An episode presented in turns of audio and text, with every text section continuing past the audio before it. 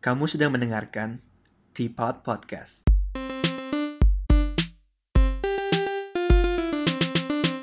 Hello, welcome back to Teapot. Masih bersama gue, Fernaldi Sugianto. Dan hari ini kita bakal ngobrol soal karir di dunia musik. Nah, buat tamu gue hari ini, musik kayaknya udah jadi makanan sehari-hari kali ya. Karena dia seorang founder dan pianis di sebuah wedding band, juga guru musik gue pas SMP. Mungkin langsung aja, Sir Stephen Daun dari Daun Musical. Apa kabar, Sir? Boleh disapa dulu pendengar podcast kita? Halo everyone, salam kenal. Gimana Fer? Sehat? Sehat-sehat. Sir juga di sana sehat-sehat ya? Sehat dong. Jadi kemarin mungkin sebelum aku tanya-tanya soal musik nih, Sir, itu Sir kan kemarin ngomong masih ngajar ya, Sir ya? Dari Senin sampai Rabu ya? Terus itu kalau on- lagi study from home gini, ngajar musik gimana, Sir? Yang ngajarnya ya pakai kamera, pakai Zoom. Kita pakai Zoom. Oh, Eh, memang agak pusing sih. Gimana ngajar Iya. musik lewat kamera karena kan ada delay, eh, keterbatasan alat. Memang awal-awalnya terpaksa ngajar teori dulu, ngajar teori untuk mendukung untuk mendukung tugas berikutnya, which is habis itu mereka bermain musik lah sendiri. Oh. Ya begitu deh. Tapi Ya paling kita hanya pantau. tapi semua anak-anaknya punya alat musiknya gitu. Jadi nggak ada kendala alat Nah musik itu ya, atau, atau gimana? ya kalau pelajaran lain kan agak gampang, misalnya pelajaran gitar, ya pasti punya gitar dong. Biola pasti punya biola. Nah saya kan ngajar kan ngajar kayak band. Nggak semua punya alat seperti di sekolah kan. Jadi dengan apa adanya, tapi bagus juga sih. Jadinya kreatif. Jadi ada anak yang akhirnya karena nggak punya drum, dia pakai iPad dia buat main drum. Oh. Iya, Ada iya. anak yang nggak punya apa, tapi dia punya MacBook, ya dia menggunakan GarageBand. Lucu lah, ya kreatif Iya, lah iya, jadinya. iya. Jadi akhirnya mereka gabung-gabungin aja gitu ya, bi- bikin musik gitu. Iya, Wih. jadi at the end kita bikin project lah, bikin project lucu-lucuan, nanti mereka main, main, ntar dari terpisah-terpisah ntar digabung-gabungin. Hmm. Nanti bakal ada post di Instagram sih, lucu-lucuan lah. Ditunggu nih hasil karya. Siap. Mungkin kita masuk ke pertanyaannya deh Sir ya. Aku kan mau ngomongin Ya. soal karir di dunia musik nih. Mm, Terus Sir kan berarti udah da- dari awal ya Sir ya bergelut di dunia musik sampai, sampai sekarang berarti ya. Iya, udah kecemplung sih. Kecemplung. Kecemplung. Dulu emang sekolahnya juga sekolah musik tapi. Enggak, Oh enggak ya. sekolahnya malah dulu sekali tuh enggak. Awal sekali tuh malah teknik mesin. Teknik mesin. Iya. Dulu di Manado tahun 9 berapa ya? 92 apa? Eh 91 ya. Tapi cuma setahun. Karena saya nggak nggak cocok dengan kuliah itu. Akhirnya pindah Jakarta deh. Pindah Jakarta dengan iming-iming akan eh, kuliah musik tadinya. Tapi kenyataannya ternyata sampai di Jakarta itu bukan kul- bukan sekolah musik, ternyata itu adalah tempat les-lesan gitu, namanya sekolah gitu loh. Waduh, oh iya kan kalau tempat les na- namanya sekolah musik ya. Kalau- Iya kan, iya, pikirnya wah ini wah bakal kuliah musik dah gua. Tertipu. ya akhirnya ya kerja di gereja di bidang memang di bidang musik sih, di bidang musik jadi arranger. Nah, dari situlah mulai belajar sih. Jadi kalau bilang memang di bidang itu ya kecemplung, Oh. kecemplung. Oh, Jadi sebenarnya Iya. berarti nggak ada pendidikan formal musik gitu berarti. Oh ada musik nggak ada? Eh, eh yang les-lesan aja lah, Les-lesan gitu. Oh.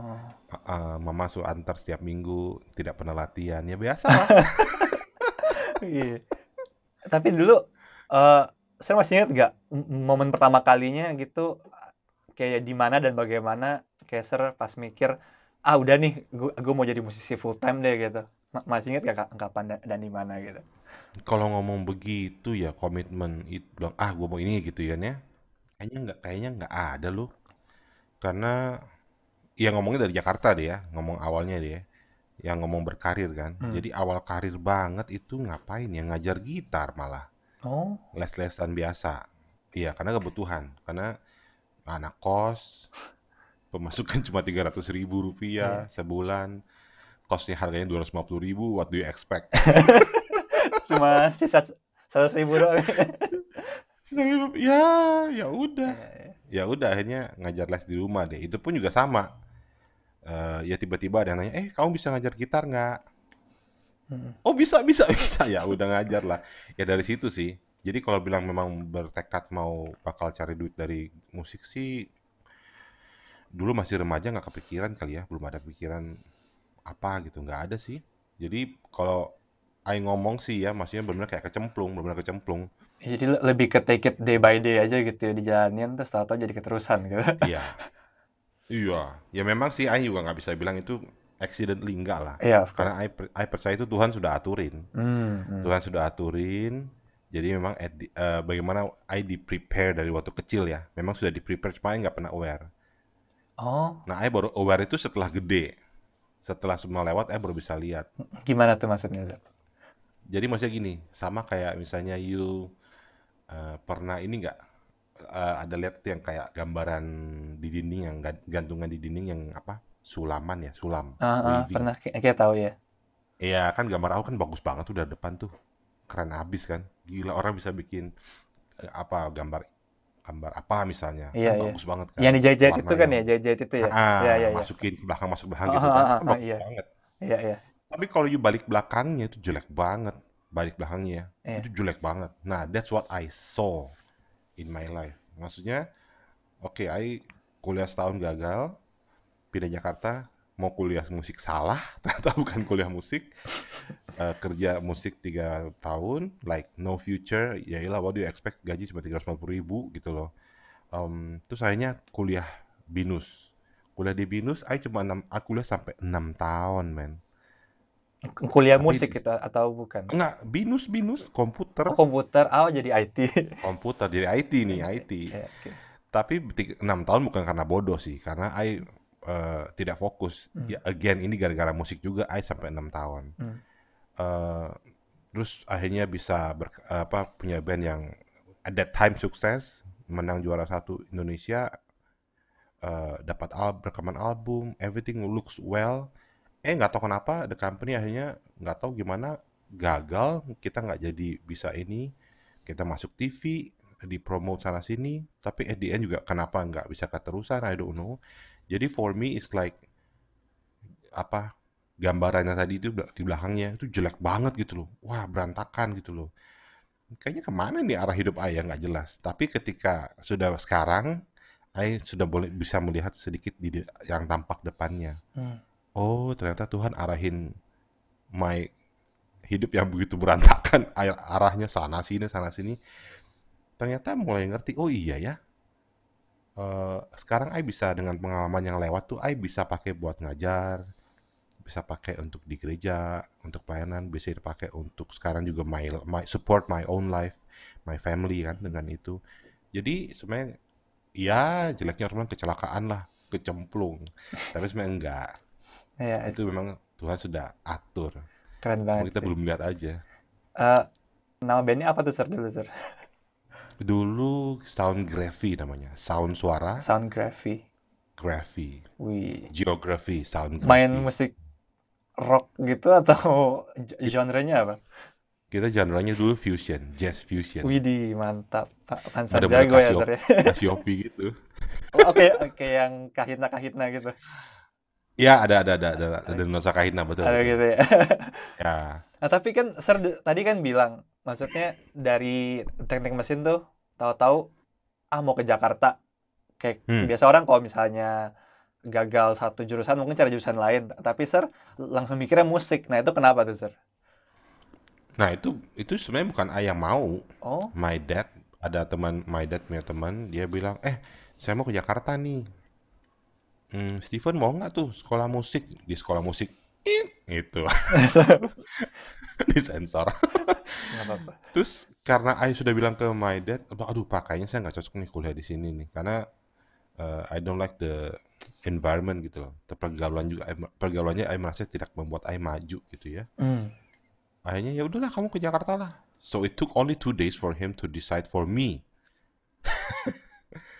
Jadi eh I waktu itu nggak kepikiran apa-apa ya udah papa suruh pindah ya pindah aja. Oh, Which is ya it changed my life sih iya, iya. Tapi itu gitu. menarik banget ya. Soalnya kan mungkin kita sering dengar kalau orang-orang tua zaman sekarang, ada zaman dulu lebih pa- lebih Hmm. tepatnya pasti pengennya anaknya kan sekolah dan, dan dan kerja di bidang yang lebih konvensional gitu kan.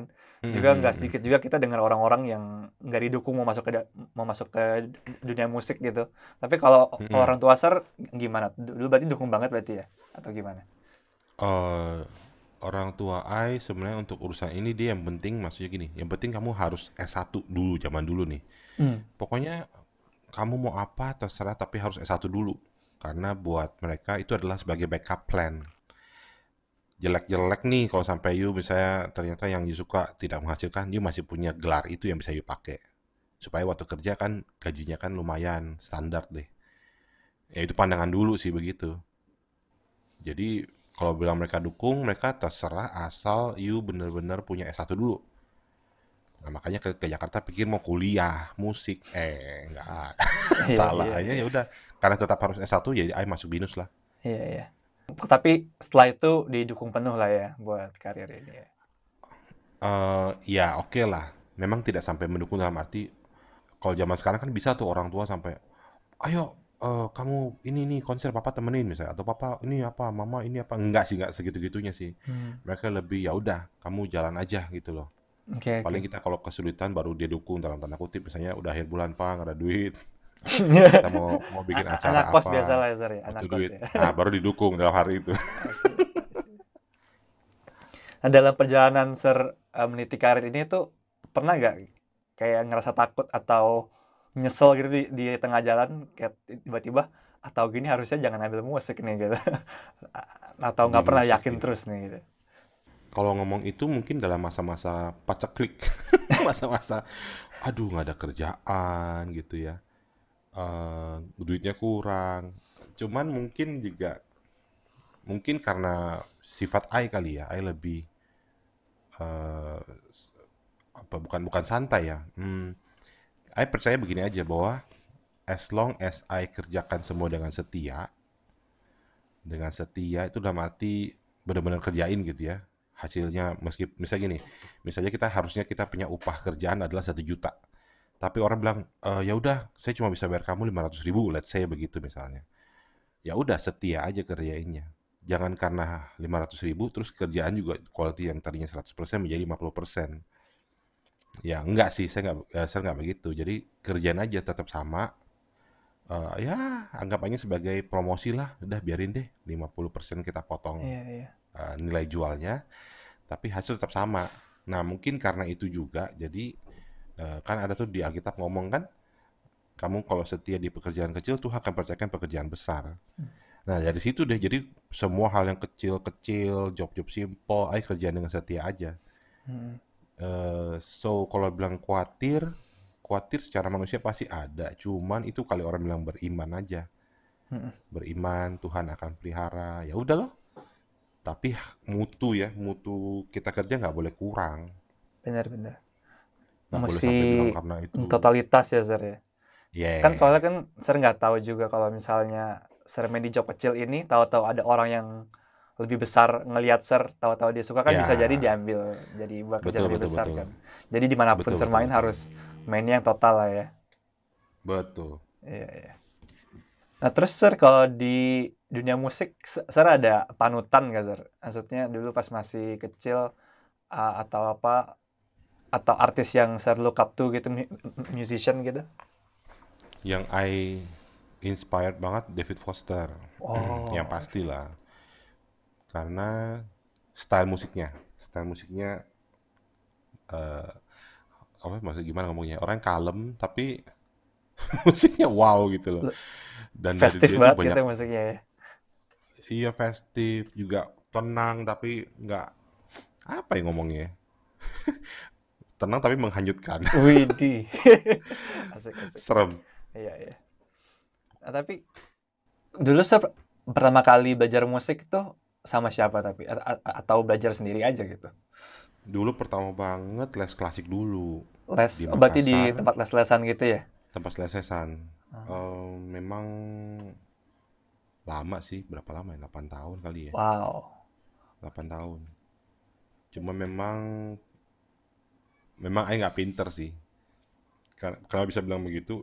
Either, males atau memang nggak pinter karena 8 tahun it took me so that long ya. Cuma buat pass satu grade. Bi- Biasanya ada berapa grade ya? Oh, aku juga Formally, kurang tahu nih. formal, formally. Kalau misalnya eh, ini ya, les kan setiap tahun kan naik grade satu, Hmm. Naik setiap tiap, tiap tahun naik grade satu. Oh, Harusnya begitu, oke. ya dua tahun lah. Cuma, I cuma pass one grade. Jadi segitu bodohnya lah. Atau malas, malas aja. At- iya bisa juga. Tak- Yang penting nggak intinya nggak nyambung aja, nggak nyambung Iya sama. Sama kurikulumnya gitu ya. gurunya tuh nggak nyambung. Iya kurikulumnya nggak nyambung. Tapi teman-teman lain mah maju. Mm-mm. Teman-teman lain sih, wah canggih-canggih lah. Eh, dari sana awalnya. Cuman yang bikin I berubah itu adalah waktu di Manado les, yang cuma tiga bulan. Itu les jazz. eh kenapa bisa berubah? Karena cara gurunya ngajar itu membuat I punya cara pandang beda. Oh, Nah itu tiba-tiba kayak klik begitu loh. Kayak misalnya selama ini ngapain, udah ngapain, tapi nggak bisa-bisa tuh tiba-tiba gara-gara orang, lu jangan pandang dengan cara begitu, coba lihat dengan cara begini misalnya. Nah itu langsung klik, langsung tiba-tiba I bisa. wah, Dan semua yang banget. 8 tahun dulu itu, yang belajar 8 tahun itu tiba-tiba, oh begitu maksudnya. Iya, Dan langsung bisa, dan langsung ngerti gitu loh. iya, ya ngerti, ngerti. you know? Sa- Saya juga dulu, kalau saya dulu pas lagi kuliah, dulu tuh pas semester 1 belajar soal statistik. Terus kayak orangnya ngomong apa, saya "A- apaan sih ini nggak ngerti banget. Tapi tahu-tahu pas tahun kemudian Terus, ada kelas lagi ya yang ngulang pelajaran itu, gurunya karena Hah? gurunya bagus, saya baru langsung kayak, oh itu maksud dia begitu yang tahun lalu. Kayak udah udah terlambat setahun tapi yang penting ngerti lah ya. Ya begitu lah ya, memang begitu. Nah Iya, justru iya. itu yang bikin Menarik yang banget. membuat Ayah punya cara ngajar jadi terpengaruh sampai sekarang. So every student yang Ayah ngajar tuh everyone is different. Everyone is unique gitu. Jadi misalnya kayak ngajar you nih. Dulu ah juga udah lupa sih ngajar dulu kayak apa ya? Juga udah, udah lupa deh. Pokoknya intinya setiap anak tuh ketika dijelasin memang harus beda. Pertama jelasin secara general, tapi nanti pas ketemu satu anak khusus, wah dia nggak ngerti nih. Nah itu memang harus beda. Jadi Sir menempatkan diri seakan-akan waktu dulu nih si guru nih lihat gua kayak begini nih dulu Dek, ini anak ngerti nggak sih kok nggak ngerti-ngerti nah karena nggak ngerti-ngerti bukan salah anaknya salah gurunya Ah, salah dalam arti nggak ketemu nih cara ngobrol dengan sama si murid nah that's why kita mesti setiap anak tuh mesti kita treat berbeda Soalnya sesuai mungkin their need lah musical views setiap orang beda-beda gitu ya cara mainnya ya. iya Iya, iya iya, iya. Nah, tapi aku menarik banget sih dari cerita serinya dari awal apa bener-bener biasa aja main musiknya habis itu tahu-tahu kuliah teknik mesin pindah pindah ke Jakarta akhirnya mau kuliah juga nggak nggak jadi gitu. oh ya nggak Tapi sampai sekarang Sarah akhirnya bikin itu ya Sarah sebuah wedding band ya. Uh, Mhm. Sarah Sarah berarti foundernya itu ya. Uh, namanya Down Musical. Down musical Down yes Musical. itu dari kapan ya 98 maybe Oh, oh, udah dari tahun 98. Eh, eksisnya ya, cuma baru pakai nama Down Musical, lupa ya tahun berapa ya? Oh, 2000-an berapa gitu, 2007 mungkin2007. Yang pakai nama itu ya. Hmm. Cuma kalau orang-orangnya udah dari lama, Oh, dari 9 2000 deh, tahun 2000 ya. 2000-an deh. Nah itu idenya dari mana tuh, Sir? Menurut aku wedding band brilian banget ya. Soalnya kan kalau bergelut di dunia musik kan su- susah cari job. Tapi kalau misalnya wedding band kayaknya banyak banyak demand-nya ya. Ap- apalagi zaman sekarang juga gitu ya. Eh, zaman dulu yes, zaman dulu yes dalam arti gini, tidak banyak yang bersaing. Maksudnya tidak banyak bersaing, maksud gini, eh, yang punya begitu punya wedding band begitu atau punya wedding entertainment itu udah ketahuan orang-orangnya. Nggak, orang pasti tahu. Oh kalau si ini pasti ini, kalau si ini pasti ini. Dan memang sama zaman dulu tuh sebenarnya orangnya gonta-ganti aja. Misalnya kayak I nih, I punya nama kan Down Musical. Cuma I also appear on my friends punya wedding, eh, wedding band. Jadi sebenarnya orang yang sama, cuma pimpronya siapa saat itu. Oh, Kalau pimpronya A ya udah namanya Down Musical. Nanti kalau pimpronya siapa, eh yuk eh, Steven bantuin gue dong. Ya udah, I go there as a eh, additional player, hmm. bukan sebagai the owner of the entertainment.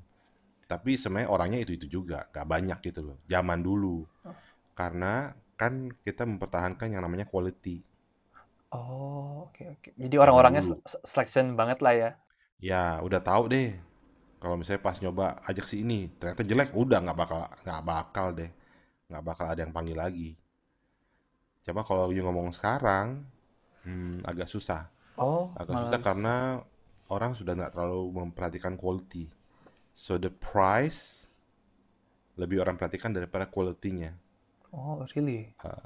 Iya Terus sekarang mahal-mahal ya dengar-dengar dari cerita saudara-saudara gitu cari wedding ya band tuh mahal-mahal sekarang ya. mm nah yang mahal-mahal tuh biasanya itu yang udah senior-senior Oh, oke. yang my era lah kira-kira lah nah itu udah ketahuan nah mahal bukan karena mahal bukan karena mahal apa ya gimana ngomongnya karena memang ya quality-nya begitu Iya, udah iya. yang ketahuan gitu loh nah Ah. yang repot kalau dia mahal tapi yang main tuh bukan ini bukan yang memang berkualitas.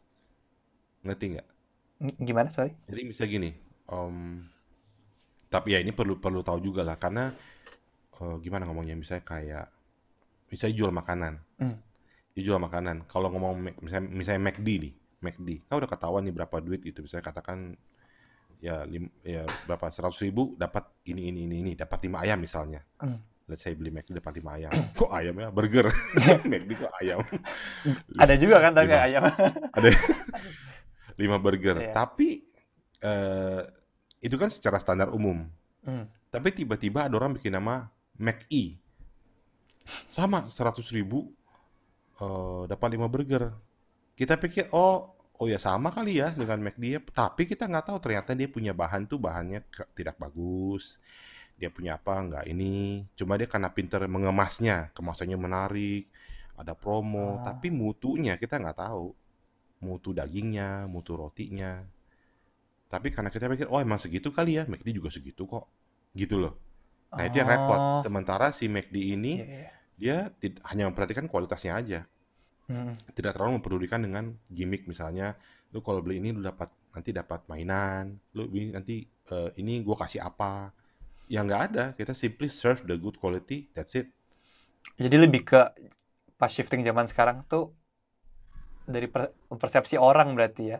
Soalnya ya ada orang-orang yang baru masuk ini yang kualitasnya belum tentu mungkin sama kayak bandnya Ser, tapi dia udah matok harga sama kayak Ser supaya orang-orang mikir ya kualitasnya sama ya mirip-mirip ya berarti. segitulah Ah, ya begitu ya. Oh, itu ya mereka tapi memang pinter lah. Mesti aku dari sisi yang penting itu marketingnya sih. Karena yang bener saya lihat sekarang itu orang kualitas mungkin kurang bagus tapi marketingnya pinter banget. Heeh. pinter banget cara ngomongnya the way they deal. Pinter banget. Terus dia bilang nanti kalau ini saya kasih hadiah apa atau apa-apa. Cara marketingnya sih pinter. That's why kalau ngomong persaingan ya I juga nggak bisa bilang mereka nggak fair. Ya nggak juga. Mereka kan they have the right kayak kita sama-sama compete in the market kan? Ya siapa yang pinter marketing siapa yang pinter deal ya dia menang. Hmm. kualitas kan nanti kan klien yang ngomong. Hmm. Ya, Jadi emang kualitas time. itu nggak cuma eh kalau jualan pasti juga butuh marketing nggak nggak bisa cuma dengan ya ke- kemampuan doang lah ya berarti. Mesti ya. dibarengin sama skill jualan ya. eh, betul. Itu penting. Itu yang yang jujur di uh, I don't have Oke. oke. jadi I cuma quality aja Hmm. tapi kalau marketing that's why I need I need people to help Iya ya. Pastilah orang kan nggak nggak bisa perfect di semuanya juga tapi. iya Iya ya. Nah, Ser, itu kalau di band nih kan kalau di kelas aku ngelihat Ser tuh bisa main semua semua alat musik nih. Kayaknya aku ngelihat Ser tuh Hmm. mungkin kalau di band orang-orang yang ma- ma- masuk ke ruangan lihat alat musik yang kosong diambil langsung main aja gitu kali ya Ser. Kalau Ser ngelihat diri Ser di band tuh kayak gimana Ser? enggak lah I juga sebenarnya kalau melihat diri I sendiri I lebih ke sebagai how do you say arranger Oh. I lebih sebagai arranger daripada player my major kan piano Hmm. major piano minor ya gitar lah biola lah apalah nah itu kenapa yang lain tuh I bisa main sedikit karena I need that to be an arranger bagaimana you ngomong sama pemain kita "Eh, Mas nanti pas bagian ini mainnya kira-kira begini rasanya gitu loh. Nah kira-kira begini kan kita nggak boleh sembarang ngomong dong. Bener-bener. maksudnya kita ngomong kira-kira kan berarti kita mesti tahu dong kira-kiranya gimana. Jadi misalnya saxophone Mas nanti mainnya begini ya gini gini gini notnya ini ya. Nah berarti kita perlu tahu dong range nada dia dia punya pencarian tuh possible nggak sih untuk begitu? Atau pemain biola deh kita waktu mau arrange biola punya mainan benar nggak ya kita punya arrange nih possible nggak untuk dimainkan nah itu lebih I lebih ke sana karena I need to know so I try everything Oh, jadi akhirnya bisa bit of everything juga ya, walaupun majornya ya piano tapi yang lain bisa sedikit-sedikit. bisa tapi nggak ahli ya Nggak ahli, nggak iya, ahli iya. Hmm, tapi bisa karena menarik ya in sekali. my my part I need that. Nah, terus kalau di band itu, Sir, kan kalau nyari orang buat masuk band nih, orang-orang jago mah banyak lah ya orang yang jago main musik. Tapi kalau Hmm. nyari orang nih, eh, kriterianya apa nih? Atau gimana cara Sir tahu nih, ini ini orang bakal tepat jadi band member Sir gitu? Eh, kalau yang kondisi sekarang itu I lebih melihat ke karakternya orang sih Hmm. jujur ya kalau sekarang ya mungkin kalau dulu kan kita lebih lihat udahlah wah dijago nih udah sikat aja deh gitu dulu dulu dulu karena kita kan masih belum banyak melihat eh, reality. Kita hanya melihat musik ya udah musik aja. Ternyata enggak. Jadi kalau sekarang ketika I mau rekrut orang pun I akan lihat dia punya karakter gimana. Of course lah harus mainnya bagus. Iya. itu udah pasti kita nggak usah ngomong. Tapi ketika dia jago main tapi orangnya misalnya belagu orangnya datangnya nggak bisa on time kita eh, direct dia oke nanti yuk eh, kita latihan ini lagunya pakai misalnya lihat dari YouTube ini misalnya ikutin ini guys di sini nanti bagian sini ikutin YouTube ini misalnya. Atau ini gue kasih music sheetnya nih lu baca ya lu coba di rumah nanti kita ketemu langsung latihan. Dan dia tidak melakukan itu itu sudah pasti out of my criteria. Hmm. berarti orang itu maksudnya nggak bisa kerja sama gitu loh. Ya kan? Simply misalnya kayak you jadi bos. You jadi bos karyawan you eh nanti kamu kerjain ini ini ini ini ini tapi dia nggak bisa ngerjain eh sorry. Dia nggak mau ngerjain. Beda ya nggak bisa dan nggak mau. Kalau dia nggak mau ya sudah. Untuk apa? Iya, gitu iya. loh karena bermusik kan mesti enjoy mesti seneng gitu loh. Nggak mungkin you lagi main. Aduh gue sebel nih sama pemain piano gue misalnya gitu kan nggak bisa. Soalnya kan banyak juga kan kalau misalnya di band gitu kadang mungkin ada orang yang nggak latihan, disuruh latihan nggak mau, tapi pas main ya bisa aja gitu mainnya gitu. Ta- Tapi kalau Sir menurut Sir itu off limit lah ya orang-orang kayak gitu ya. Nah, kalau untuk konteks itu eh agak susah ngomong karena gini, memang ada jenis band, jenis acara yang memang orang udah ngejam aja, langsung main gitu, emang ada begitu. Itu bisa. Cuma kalau misalnya konteksnya misalnya kayak sesuatu yang di arrange, misalnya kayak gini, kamu perhatikan ya, kalau kamu perhatikan konser-konser gede gitu ya, atau event-event yang bukan sifatnya performance yang langsung jam gitu ya, itu semua itu pasti pakai partitur Ah, ada yang mereka mesti baca gitu loh. Bukan karena mereka tidak jago, justru mereka jago sekali. Tapi baca itu tujuannya adalah membuat mereka tuh menjadi bersama-sama, bisinkron gitu ya. main ah, ah, bisa bareng, eh, rasanya bareng. Dan itu biasa terjadi karena mereka tidak punya cukup waktu buat latihan bersama atau terlalu besar gitu loh. Nah kalau misalnya pemainnya itu meskipun jago, tapi dia nggak bisa baca, dia juga nggak mau peduli. Ah, gue rasa-rasa aja lah. Ya itu kan berarti untung-untungan kan? Nggak Iya, bisa. iya. Kalau kerjaan kita untung-untungan kan nggak bisa. Ya kalau bagus. Tapi kalau misalnya gagal, salah. Kan nggak bisa. Orang udah kejadian, orang udah kelar acaranya. Gimana mau Iya, iya. dibenerin? Jadi lebih risky lah ya ceritanya. ya. Mm-mm. Oke. Eh, terus nah aku juga dari, dari dulu penasaran sih kan seru udah lama banget nih di dunia musik nih pasti main tuh udah santai lah ya terus kan kalau aku juga main musik sebenarnya tapi ya, ya masih amatiran gitu terus saya, Hmm. saya tuh sering mikir kalau orang yang udah jago main musik tuh rasanya gi- gimana sih gitu soalnya kalau aku kan yang masih amatiran gini mungkin kalau main mikirin chord progression atau ngeliatin notnya takut salah teken tapi aku tuh sempat nonton interview gitu uh, sama si John Mayer. Katanya dia tuh kalau Hmm. main gitar gitu udah udah nggak nggak ngeliat chord gitu. Jadi pas dia main dia ngelihatnya shapes and colors katanya gitu. Nah kalau kalau Sir tuh gimana? Sama kayak dia juga gitu gak? Atau gimana Sir? Mm, dep- depends on the song. Kalau lagu itu lagu yang memang kita sudah sudah sering main atau something yang kita sudah tahu lah. Nah kalau sudah tahu, saya lebih pikir ke beauty beauty-nya aja. Beauty of the feeling waktu mainnya. Misalnya kan sebenarnya kan semua chord kan sama. Si ini main C, ya C aja gitu loh. Tapi waktu dia main tuh rasanya tuh kalau istilah si John Mayer color kan. Hmm. Misalnya yang ngomong ini ngomong teknis lah. Misalnya C, CEG kan. Hmm. It's very easy. Semua kan can press the same thing. Tapi kan feeling pencetnya, dinamikanya beda. Kedua, kalau masalah yang istilahnya si John Mayer kan colornya. Jadi C-nya itu bukan C polos, tapi ditambahin satu nada lagi. Atau entah dirubah, ada nada di, apa dirubah. Itu kan merubah warna. Nah, kita kalau yang sudah mainnya biasa, lebih pikir ke sono memang. Lebih ke rasa mainnya gitu loh. Tentu mempengaruhi masalah warna, chordnya, melodi lain yang dipilih, bagaimana mengisi kekosongan. Jadi udah nggak mikir chord lagi memang. Tapi dengan catatan lagunya tahu. Kalau nggak tahu pasti sama juga kita jadi mikir, ini chordnya apa ya? Ya tentu bukan chord yang simple lah, yang kompleks-kompleks. Cuma kan udah beda takarannya. Oh, oke oke. Menarik banget sih. Tapi jadi kalau yang, yang udah tahu tuh nekennya udah nggak mikir lagi, udah mikirnya cuma gimana bikin lagu ini lebih bagus aja gitu ya. Iya, lebih ke sono. Gila. Pengen banget sih bisa mikir gitu. Mungkin mungkin contoh lain misalnya gini, kamu waktu dulu kan belum bisa nulis alphabetical, right? Iya. Waktu kecil nggak Iya. bisa tulis A, B, C, D kan belum bisa. Nah, sekarang kamu di musik tuh kamu sedang belajar cara menulis huruf dulu nih, yang kamu sekarang kondisi sekarang ya. Iya. Misalnya ya, kamu tuh masih belajar bagaimana menulis A, B, C, D, pakai kertas bergaris, nggak boleh lewat, masih begitu tuh. Eh, tapi karena kamu kalau kamu sudah jago, kamu kan udah nggak mikir cara nulis dong. Oh, Mem- iya. iya. memikirkan konten yang gue tulis ini ketika gue tulis ini orang waktu baca tuh apa yang mereka dapat Wah, bagus banget Contoh sih podcast. analoginya.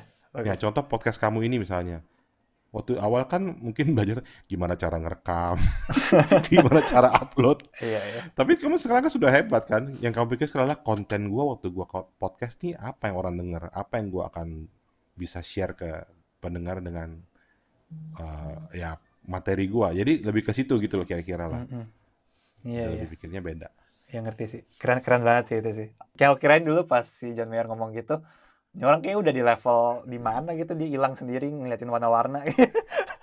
Tapi ternyata, eh, ternyata emang itu maksud dia mengexpress feeling sih lebih ke sana ya gitu ya. Hmm, Iya iya. Nah kalau ngomongin industri musik nih Zer, Zer dulu kan Hmm. pernah bikin album yang indie lah ya hitungannya Zer ya, Hmm, hmm, independen hmm, ya. hmm. Iya. Judulnya apa tuh Iya. Zer? Saya lupa. Judulnya album Eh, nyata dalam hidupku. dalam hidupku. Eh, Nyata dalam hidupku. Iya ya. iya. Nah itu kalau aku nggak salah, eh Ser kan pernah cerita katanya dulu sebenarnya pengen dikontrak sama label gitu ya ya, buat bikin album itu ya. Oh itu ya dulu. Nah dulu kan. Ya. Nah, tapi katanya Ser nolak buat eh nerima tawaran itu. Nah itu kenapa tuh Ser? Jadi dulu sih lebih karena begini. Eh, tapi ini ini ya apa namanya personal banget. Hmm. Eh bukan personal. Subjektif dalam arti ini. Iya. Karena memang eh, waktu itu saya tidak menca tujuannya membuat album itu tidak bukan eh, bukan untuk apa namanya eh, cari duit, bukan buat supaya bisa menghasilkan income yang besar dari album itu. Nah waktu ke company itu kok kayaknya terlalu kesono gitu loh. Profit driven Terlalu gitu ya. Iya jadi apa apa apa apa apa masa kok kok Ai nggak nyaman gitu ya. Jadi akhirnya pikir ah udah nggak deh nggak deh Eh, ya udah nggak usah Ai bikin sendiri. Eh, maksudnya Ai ya udah Ai lewat apa ya? I think it's cdbaby.com or something. Oh. Jadi akhirnya kayak zaman sekarang tuh Spotify gitu loh. Sih sih. Jadi udah kita masukin sendiri aja. Eh, tapi memang jadi nggak ada nggak ada dijual di toko-toko Hmm, hmm, eh, Indonesia gitu aja bedanya. hmm. Eh, ya karena Ai merasa aduh enggak lah nggak nggak ngejar ke situ deh Tapi da- dari semua itu berarti Ser pikir tuh apa yang sebenarnya Ser mau achieve di dunia musik ini nih? Kalau misalnya bukan jadi part of a label, kan banyak musisi yang masuk dunia musik, ya dia ingin berkarya, dapat duit dari sana juga gitu sekalian kan. Tapi kalau Ser eh, dengan ini tuh kira-kira pengen achieve, achieve apa di dunia musik gitu? Ini long di dunia musik dunia musik atau di album Di dunia musik jadi in Oh, general, musik. in general ya. in general sih sebenarnya Ai lebih fokusnya tuh di ini eh bagaimana waktu Ai main orang bisa mendapatkan berkat could be different berkat dalam arti eh, orang merasa ya kalau di wedding orang merasa terhibur oh bagus ya bandnya ya, oh orkestranya enak loh gitu-gitu. Mereka mendapatkan berkat dari sisi situ. Atau me as a owner of the Down Musical, I bisa menjadi berkat buat my friend. Musisi-musisi I kan my, my friend kan. Gimana waktu I dapat kerjaan, I bisa share ke mereka juga. Of course, I mesti dapat benefit itu karena kan I juga mesti hidup. Iya, Tapi of course. I bukan hanya I mendapat berkat buat hidup, I bisa bagi-bagi that berkat to my friend. Eh, klien yang itu juga merasa wah acaranya jadi bagus. Eh, jadi kira-kira kalau ngomong tujuannya ya whatever I do itu bisa jadi berkat aja buat orang lain juga. Hmm. For myself of course harus lah. Kita Iya. kan harus hidup. Tapi Iya, iya. bagaimana itu tidak menjadi tujuan utama. Tapi kalau ketika tujuan utama adalah buat orang lain, of course it will affect yourself. Iya, iya. Oh itu Gitu sih. keren banget sih. Tadi saya juga tanya eh, tujuannya itu buat album atau buat general. Nah kalau buat albumnya itu tu- tujuannya apa sebenarnya? Berarti sering bikin Sama album? juga. Sama berarti. Kalau you Oh, perhatikan the album punya lagu, ah, the ah. liriknya itu kan ada ada ceritanya kan, banyak cerita lah di situ. Eh, misalnya salah satunya itu ada judulnya yang Safe in Your Daddy's Hand. I bikin lagu itu buat my uh, my my music my choir teacher. It's about his life gitu loh. Bagaimana dia struggle dengan kehidupan, punya anak twins dan mereka bingung bagaimana raise terus tidak mudah lah gitu. Tapi bagaimana dari di kalau diperhatikan liriknya itu eh, menceritakan tentang kehidupan dari eh, si papa ini Mhm. kepada anak-anaknya. Gimana nanti waktu kamu kecil papa urus kamu kamu sudah gede bagaimana? Sampai papa nanti sudah nggak ada pun sudah meninggal pun kamu akan tetap aman di tangan papa. Papa yang mati Tuhan yang di surga gitu loh. Jadi ada ada maksud. Nah ketika lagu album ini orang dengar kalau orang dengar benar-benar dengar ya maksudnya benar perhatiin kan dapat berkat juga. Oh iya ya ternyata gue begitu ya ternyata gue meskipun gue harus survive sendiri di dunia I have I have a father yang yang jagain gue di surga gitu loh Mhm. jadi intinya again bagaimana album itu bisa menjadi berkat Mhm. lebih ke sono sih Wah, deep banget sih. Keren keren. Dulu dulu kayak kita jarang ngobrol kayak kayak gini. Soalnya biasanya kita banyak, banyak bercanda. ya. iyalah Eh, terus kalau di industri musik, Sir sekarang masih ngikutin di- industri musik zaman sekarang nggak, Sir? yang apa yang apa dulu nih Maksudnya eh, kan sekarang musik mungkin musik udah develop banyak new genre mungkin jadi yang electronic, house, EDM gitu. Sir masih pada ngikutin nggak? Atau enggak, enggak, udah ngikutin enggak. lagi ya? Kalau dari sisi genre I udah nggak ikut Udah karena ngikutin ya? I have to keep my style man. Oh iya. Oke oke. Tapi sekarang lebih inilah, wah udah tua lah, udah tua jadi lebih memilih musik yang tenang-tenang, tenang-tenang dalam arti misalnya ya eh, mungkin nggak orang yang tapi tanpa mendiskreditkan any music style ya, Ya, tanpa course. Ya, ya, mendiskreditkan. pasti pasti. Misalnya gini, mungkin nggak kamu beli speaker audiophile yang high end punya speaker, terus diputarnya musik rock, nggak mungkin dong.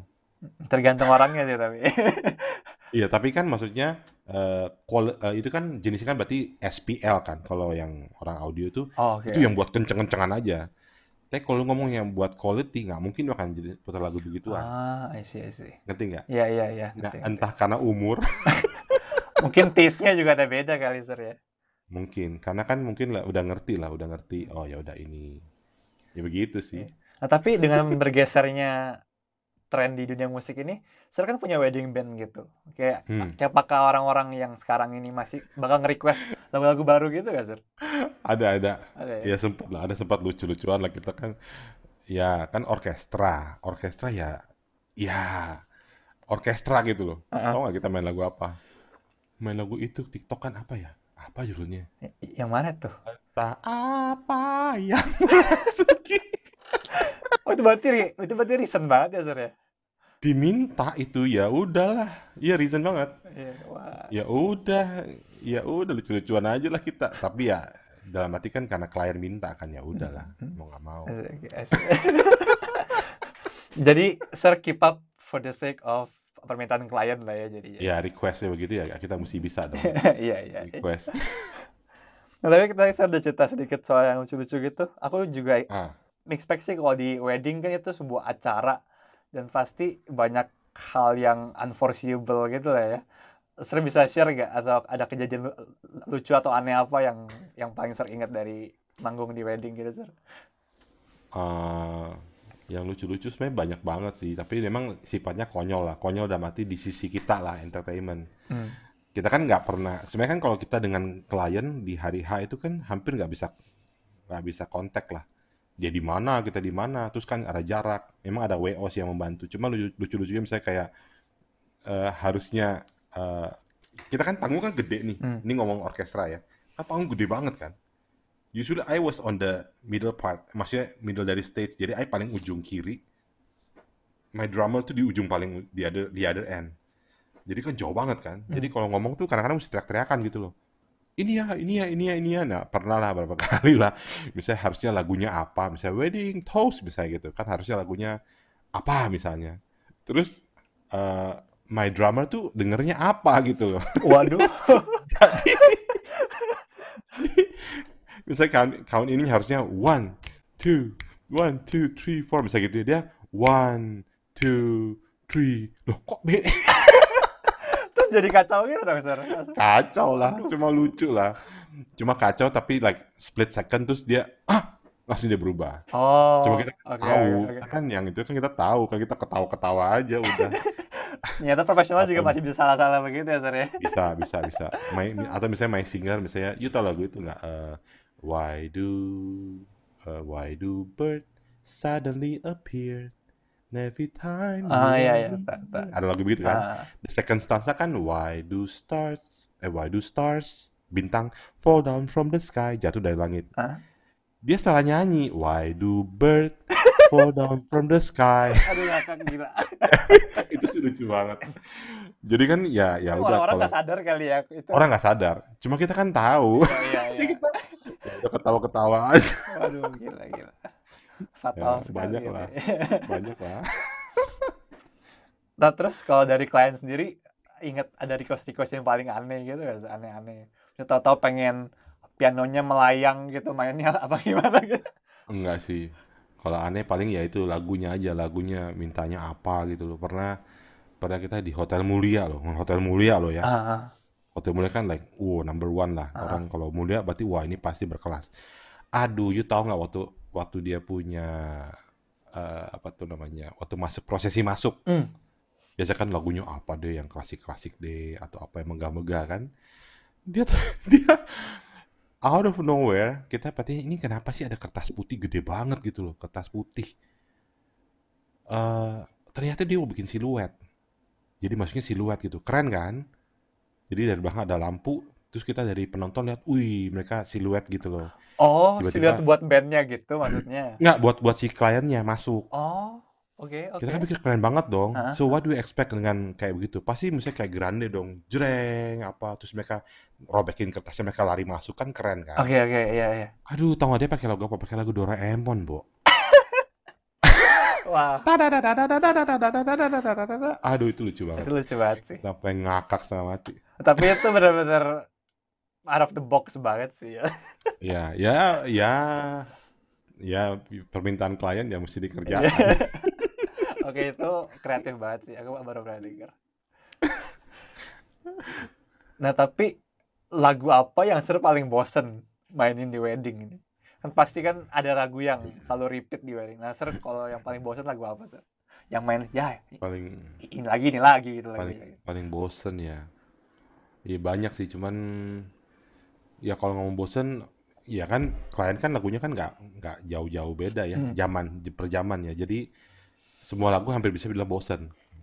Eh, karena kan ngulang kan. Hmm. Nanti klien berikutnya minggu depan dia juga nggak jauh-jauh dari situ gitu loh. Jadi kalau ngomong bosen banyak sih. The Prayer lah, lagu-lagu jadul nih. Finally Found Someone lah. Apalagi L.O.V.E. Oh, I love you udah staple banget ya, ser. Iya, apalah gitu-gitu deh. ya, ya. Ya paling cuma bagusnya kita kan jadi musik kreatif. Ya kadang-kadang kalau klien kliennya minta begitu, as long as dia nggak bilang harus persis kayak aslinya, ya kita bikin variasi lah. Hmm. Diapain kayak Bi- Ya, arra- arrangementnya dibedain dikit lah gitu ya. ya Wah. for the sake of the beauty lah. Hmm, hmm. Namun kita udah mau deket ke akhir nih, Sir. Jadi aku Hmm. mungkin mau nanya, tadi kan kita udah ngomongin pengalaman, Sir. Udah nanyain soal industri musiknya juga. Dan mungkin aku mau minta saran kali buat dari Sir ya. Kalau orang-orang Hmm. yang dengar podcast ini nih, misalnya mereka berpikir mau berkarir di, di, di, di dunia musik, saran Sir mereka harus mulai dari mana, Sir? Kalau yang mau berkarir di dunia musik sih memang mesti totally in. Mesti benar-benar cemplung, nggak bisa setengah-setengah. Jadi gini, kalau misalnya mau setengah-setengah, ada arti gini, eh, belajar musiknya juga ya asal-asalan, dengar musiknya juga asal-asalan, nggak sampai bagaimana serius-serius amat gitu ya. Cuma you suka performance, ya udah, eh, you mesti pertama mempersiapkan diri untuk you punya future dulu. Dan mati gini, misalnya you kuliah, you kuli, pilih kuliah yang benar-benar you bisa bakal mensupport your future life. Misalnya you belajar ekonomi, ya udah you belajar ekonomi yang benar. Sampai you benar-benar ahli dan you bakal kerja di situ. Terus you bermusik lah untuk senang-senang. Jadi kalau you kerja 9 to 5, after that you bermusik lah buat senang-senang. Jadi you nggak ada beban hidup. Dalam arti you tahu bahwa I bakal digaji kok. Jadi musik ini for just for fun. I dibayar nggak dibayar ya udah. Kalau dibayar ya puji Tuhan dapat duit ekstra. Oke. Okay. Tapi you nggak beban. Tapi kalau you benar-benar hidup dari musik doang, you mesti totally in. Zaman sekarang ya. Zaman sekarang totally in tidak berarti harus kuliah musik ya. I nggak bilang kuliah musik garanti juga, nggak juga. Tapi apakah kuliah musik akan menolong? Yes, menolong dalam arti you punya environment di future udah ketahuan. Karena waktu you kuliah musik kan you punya teman banyak dong. Dan mereka juga pasti berusaha untuk survive dalam uh, dalam bidang itu. Akhirnya you punya lingkungan tuh memang bidang yang yang aktif di dunia musik juga. Dan your friend itu menjadi punya modal untuk nanti you di depan akan bagaimana. Jadi kalau sampai bisa kuliah musik, kuliah musik lah yang baik. Hmm, dan please buang jauh-jauh pikiran ah gua seniman hidup gua mesti selengean. No man it's different now. Orang kan dulu aduh lu jadi seniman lu mau jadi apa lu? Mereka suka mabok-mabok misalnya mereka suka ini itu. Kayaknya udah nggak zamannya deh. Eh, sama seperti hal lain lah. Ketika lu mengerjakan dengan baik lu kuliah dengan baik dengan benar lu bisa kok achieve uh, ini um, berkarir di dunia musik juga bisa. Cuma memang repotnya ketika sudah di dunia nyata jangan mimpi jangan mimpi sama hal seperti orang berbisnis. Jangan bilang karena oh gue sudah kuliah bisnis gue pasti berhasil. Nggak bisa. Jangan mimpi begitu. Nggak bisa. Tetap lu mesti eh, namanya berkreatif. Lu mesti tetap um, persistence. Ya kalian yang beriman ya kalian harus berdoa dong dengan agama kalian masing-masing. Ya harus tetap berharap minta Tuhan bantu kerja keras. Dan memang at the end ya udah waktu yang menjawab waktu yang menjawab bahwa memang oh gue sudah totally in gue sudah berusaha yang terbaik uh, ya sudah kita tunggu aja hasilnya Hmm, hmm. Iya, iya. begitu Ya mungkin Suster juga kalau mau jalanin passion nggak boleh terlalu idealis juga kali ya. Soalnya kita hidup di dunia nyata jadi ya mesti ada yang support juga gitu hidup kalau misalnya lu nggak mau totally in, mending you have a backup gitu lah ya. pastinya yes ya. yes ada backup jadi memang beberapa beberapa teman AI itu yang mereka jago loh ya mereka jago Pasti sekali ya. ya tapi mereka itu sebenarnya adalah arsitek mereka adalah banker mereka Oh. adalah apa jadi mereka ada pekerjaan Iya. yang mereka tahu gue pasti dapat duit nah ketika dia bermusik dia udah nggak pikirin Itu malah mainnya lebih lepas kali ya kayak. iya malah dia Pas nggak lagi pusing main piano nggak nggak nggak mikirin aduh bayar kos gimana, bayar makan besok gimana gitu. ya dia udah nggak Iya, pikirin iya. Wah, tapi kan ya it it pays well sih kalau you bisa ya. sampai bisa ikut kalau misalnya ikut bisa jadi itu ya. Oh itu it pays well karena banyak juga yang teman-teman saya singer-singer gitu ya mereka tuh hidupnya dari sana doang Hmm. nyanyi terus tiap hari nyanyi terus oke kok hidup kok Iya, iya. mereka bisa even punya keluarga yang oke well established establishnya oke gitu loh Hmm, hmm. bisa Iya, iya. Nah, pastinya sih kalau aku bisa tarik satu kesimpulan dari Saranser, yang penting lakuin a- apa pun itu harus tot- totalitas ya, Zer ya. Hmm. Totalitas jadi yang terbaik dan pasti kalau misalnya udah melakukan semua itu minta pertolongan dari Tuhan juga pasti semuanya Mm-mm. bakal diberikan yang terbaik lah jalannya ya. Nah, oh ya satu hal juga Oh, oke. eh, adalah relasi penting. Relasi dengan manusia itu penting. Relasi dengan manusia maksudnya dengan klien atau dengan sesama. Karena so far I nggak bisa I belum pernah ketemu ya orang yang maksudnya sombong gitu ya orang yang angkuh itu sukses di musik itu jarang banget. Hmm, hmm. jarang. Kecuali dia jadi bos ya jadi bos ya sudah lah kita nggak bisa ngomong Oke, Ya, oke. dia punya duit orang jadi dekat sama dia karena dia punya duit kan Iya, iya. tapi kalau kita you know you start your own atau you mau jadi karyawan tanda kutip gitu ya ataupun sambil jadi bos sih, itu tetap harus namanya relasi itu harus dijaga. Sifat kita, sikap kita nggak boleh sombong, humble. Jadi orang lebih, wah sama dia enak ya. Kita udah tahu kualitasnya bagus dan juga orangnya baik. Itu tuh penting sih, penting banget. Iya, iya. Jadi karakter, passion, Hmm. sama totalitas ya berarti kalau mau Yes. apa-apa. Oke, oke. Yeah. Eh, keren banget sih, Sir. Nah, itu paling segitu dulu sih dari saya, Sir. Kalau Sir ada pengen nambahin yang lain nggak yang belum saya tanya gitu? Nggak udah sih. Saya seneng podcast you keren. Wih, di. udah denger udah denger Sir emang. Udah. Yang Hongkong baru-baru mulai kemarin kepotong nanti saya bakal dengar hari ini. Wih. Oke, th- thank you banget udah dengerin. Eh, paling eh, thank you banget buat Sir Daun yang udah eh, spend waktunya buat ngobrol-ngobrol bareng saya juga di podcast ini. Dan kalau misalnya mereka yang pendengar podcast kita pengen ngelihat kerjaan Sir di mana nih, Sir? Hmm, boleh ke IG, boleh ke website, boleh. Cari aja di YouTube juga ada banyak Daun Musical. Daun kayak daun ya, daun leaf gitu ya. Daun Leaf, musical. ya. Oke, oke. Musical Musicalnya atau pakai C ya, musical. C, musical. musical. Oke, oke. Ya atau my name aja, my name Stephen Daun juga ada. Stephen Stephen pakai PH ya. Oke. Step hand Daun juga bisa nanti ada kelihatan sih. Oke, oke.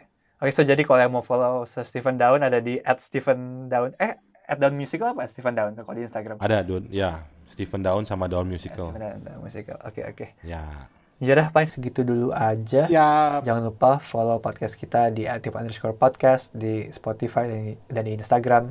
Jangan lupa follow Sir Stephen Daun juga di di Instagram dan juga di YouTube dan juga websitenya daunmusical.com.